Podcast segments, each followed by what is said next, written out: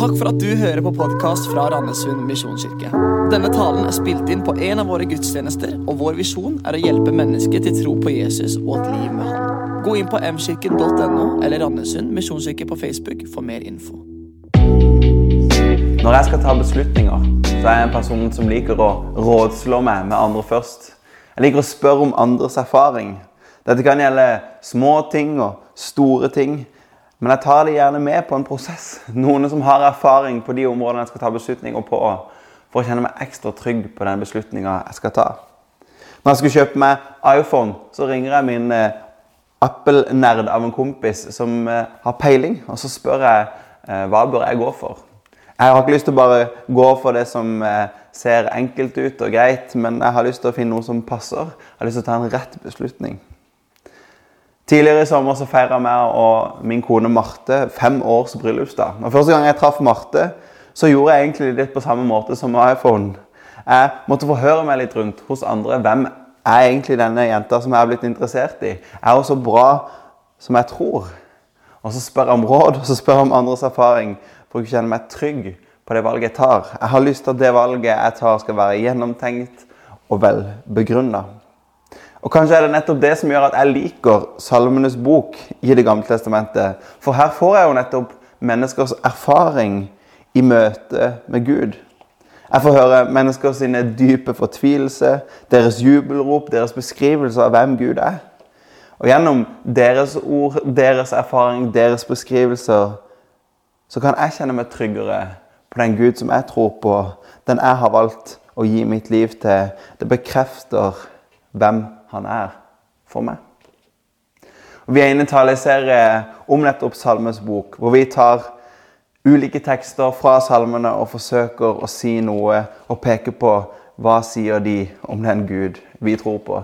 Serien den begynte allerede i juni, og så har vi fortsatt nå i august. Og i dag så skal vi ta en nærmere titt på Salme 30. Og vi leser sammen fra vers 2 i Salme 30.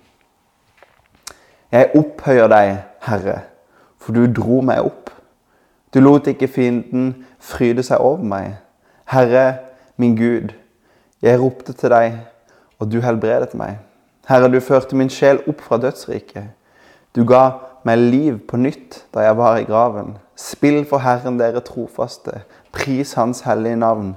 Et øyeblikk varer Hans vrede, hele livet varer Hans nåde. Om kvelden gråt jeg som gjest, men om morgenen blir det frydesang. Jeg kjente meg trygg og sa, jeg skal aldri vakle. Herre, i din velvilje satte du meg på fast fjell, men så skjulte du ditt ansikt, og jeg ble grepet av redsel. Til deg, Herre, ropte jeg, jeg ba til Herren om nåde. Hva tjener det til at blodet renner, at jeg går i graven? Kan vel støvet prise deg? Kan, vel, kan det forkynne din troskap? Hør meg, Herre, vær meg nådig. Herre, vær min hjelp. Du vendte min dødsklage til dans. Du tok sekkestrien av meg, du kledde meg i glede. Derfor synger jeg din pris og er ikke stille.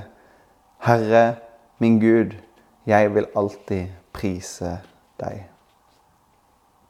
La oss be om at Gud åpenbarer ordet for oss. Herre Jesus, når vi samles til gudstjeneste, så samles vi om deg. Og det er det vi ønsker å høre fra Herre. Takk for ditt ord.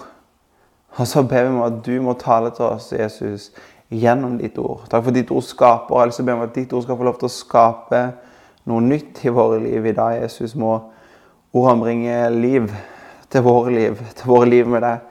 Må det gi oss hjelp akkurat der vi er, Herre. Må det møte oss med det vi står i. Jeg ber om det i Jesu navn. Amen. Når jeg har lest gjennom denne salmen, så er det i hovedsak tre ting som jeg har lagt merke til, og som jeg har lyst til å formidle til dere. Tre ting som forhåpentligvis kan være til oppmuntring, inspirasjon, utfordring. Og det første punktet det handler om det Herren gjør. Et av de helt sentrale fokusene for salmisten som skriver, det er jo hans takknemlighet og lovsang for hva Gud gjør. Gjennom salmen så får vi beskrivelser sånn som dette. For du dro meg opp. Du lot ikke fienden fryde seg over meg. Jeg ropte til deg. Du helbredet meg. Du førte min sjel opp fra dødsriket. Du ga meg liv på nytt da jeg var i graven. Du vendte min dødsklage til dans. Du tok sekkestrien av meg. Du kledde meg i glede. Alle beskrivelser om en Gud som griper inn. Og Legg merke til at det her er veldig positive og personlige beskrivelser. Det beskrives en jeg her, et meg, og en Gud som er med i et samspill med denne personen. Det er en relasjon her, en personlig relasjon. Og Salme 30 vitner vitterlig om en Gud som er interessert i den personliges liv. Salme 30 vitner om en Gud som har muskler til å gripe inn. Og samtidig om en Gud som ser med medfølelse på det som foregår i våre liv. Og jeg er utrolig takknemlig for at dette er den måten som Gud handler på. I første Mosebok møter vi slavekvinnen Hagas beskrivelse av Gud. Og hun sier, 'Du er en Gud som ser'. Dette er en setning som jeg har med meg ofte. 'Du er en Gud som ser'. Og det er en setning jeg ber både for meg sjøl og menneskene rundt meg ofte. Jeg kan be takk, Herre, for at du er en Gud som ser. Takk for at du ser hva som foregår i mitt liv. Takk, Herre, for at du ser hva som foregår i naboens liv. Takk for at du kjenner oss. Og så kan jeg gjerne be videre. Takk, Herre, for at samtidig som du ser hva som foregår i vårt liv, så har du også muskler til å gripe inn. Takk, Herre Jesus, for at du ikke bare ser, men du har også inderlig medfølelse for det du ser, og har mulighet til å gripe inn. Gjennom Skriften så ser vi dette på så utrolig mange måter. I hele bibelhistorien, fra de største under til de små hverdagsmirakler, så ser vi hvordan Gud er en Gud som griper inn. Og Det er denne virkeligheten vi lever, og vi kanskje må tørre å leve. I teologien snakker man ofte om et prinsipp som man kaller 'allerede', men enda ikke. Og Dette handler om at Guds rike allerede har liksom grepet inn i vår verden. Derfor kan vi stadig se Guds inngripen, som salmisten skriver om. Men samtidig så er vi jo ikke i himmelen enda. Vi er jo ennå ikke helt liksom fullkomment fri fra sorg og smerte og det skjøre som livet har å by på. Men salmisten har en tiltro til at vi allerede er her hvor Gud kan få lov til å gripe inn. Og Han understreker hvordan han sjøl erfarte på flere måter og når jeg sitter og leser, så tenker jeg Tør vi på en måte å leve med en sånn himmel over våre liv? Å ha en himmel over livet vårt betyr jo ikke at vi liksom fraskriver oss alt ansvar i eget liv og tenker at her er det bare Gud som skal handle. Men det handler jo om å komme til Han som har sagt 'kom til meg'. Alle dere som strever. Jeg vil gi dere hvile. Kom til meg. Involver meg. Jeg er en Gud som ser. Men jeg er også en Gud som har muskler til å gripe inn. I salmen 7. vers så kommer det en setning som oppleves nesten litt sånn ut av sammenheng når jeg leser. Det står Jeg kjente meg trygg, og jeg sa aldri skal jeg vakle. Denne setningen kommer egentlig inn i salmen nesten som en sånn synsbekjennelse. Salmisten beskriver at han hadde nesten stolthet i å ha kontroll sjøl. Aldri skal jeg vakle, sier han. Men i versene bare lenger nede så står det beskrivelse om at, om at han på en måte ble overlatt til seg sjøl. Og på nytt måtte han rope til Herren i bønn om nåde. Jens Petter Jørgensen han har stadig kommunisert en setning som jeg ofte bærer med meg. Han sier du har mye til gode hos Gud. Og Grunnlaget for å si at du har mye til gode hos Gud, handler jo nettopp om denne kontrollen som salmisten beskriver. Fordi at Gud får ikke gitt meg alt det gode han har for meg, Simpelthen fordi at jeg ikke slipper han til. Simpelthen fordi at jeg vil ha kontroll sjøl og nesten holder han utenfor. Det kan virke som det er en sånn stolthet som salmisten beskriver. Og Jens Petter han fortsetter gjerne med å si at det er først når jeg slipper Gud til. Jeg er ærlig med mitt eget liv. Slipper Gud inn og sier sånn er det faktisk. Herre, se. Akkurat sånn er det. Må du få lov til å komme til. Når jeg åpner opp på den måten, da kan Guds ressurser endelig få lov til å møte mitt liv sånn som det faktisk er. For vår Gud er en Gud som ser. Og vår Gud har muskler til å gripe inn. Og hans ressurser kan få møte mitt liv hvis jeg faktisk åpner opp og sier her er jeg. Vi kan få lov til å komme til han som sier 'kom til meg'. Salmisten han skriver om det Gud gjør. Men kanskje enda viktigere enn hva Herren gjør, så er det jo hvem Herren er.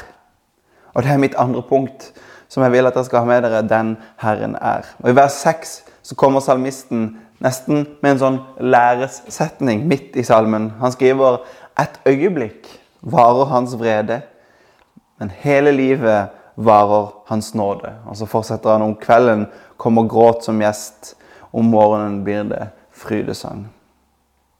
Disse beskrivelsene av Gud som dukker opp her i salmen, er egentlig kjent gjennom hele Skriften.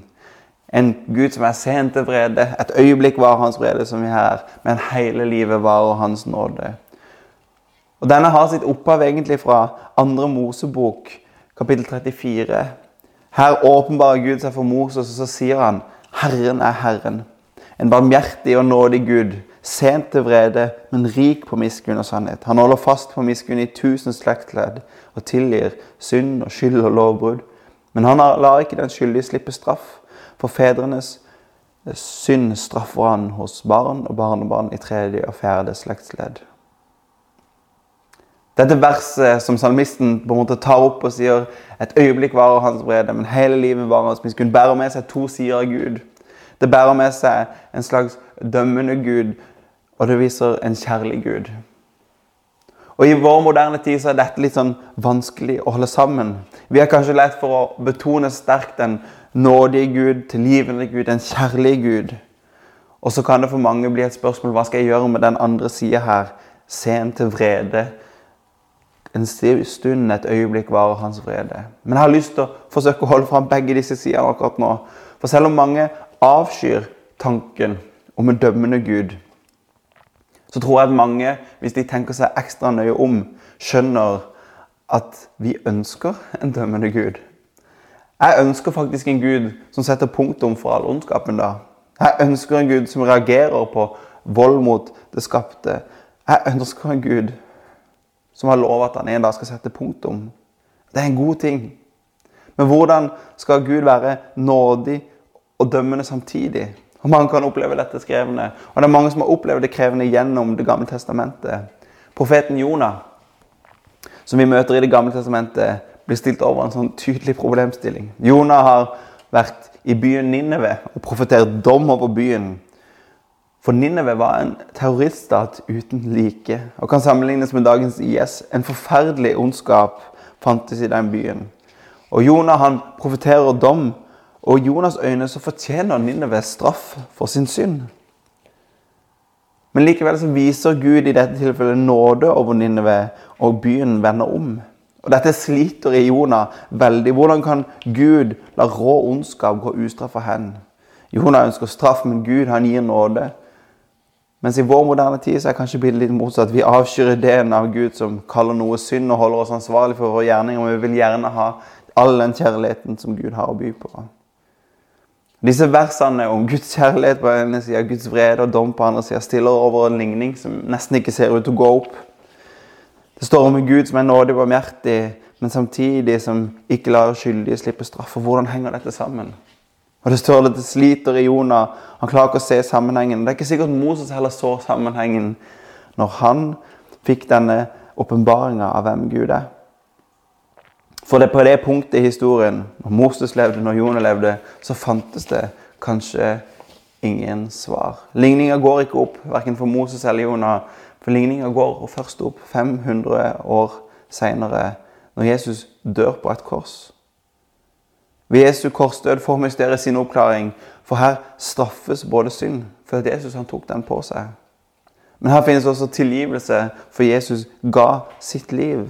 Og på dette punktet i historien, ved Jesu døde oppstandelse, så faller alt på plass. Salmisten skriver et øyeblikk varer hans vrede. Hele livet varer hans nåde. Dette er den Gud som vi tror på. Og hvilken Gud, tenker jeg.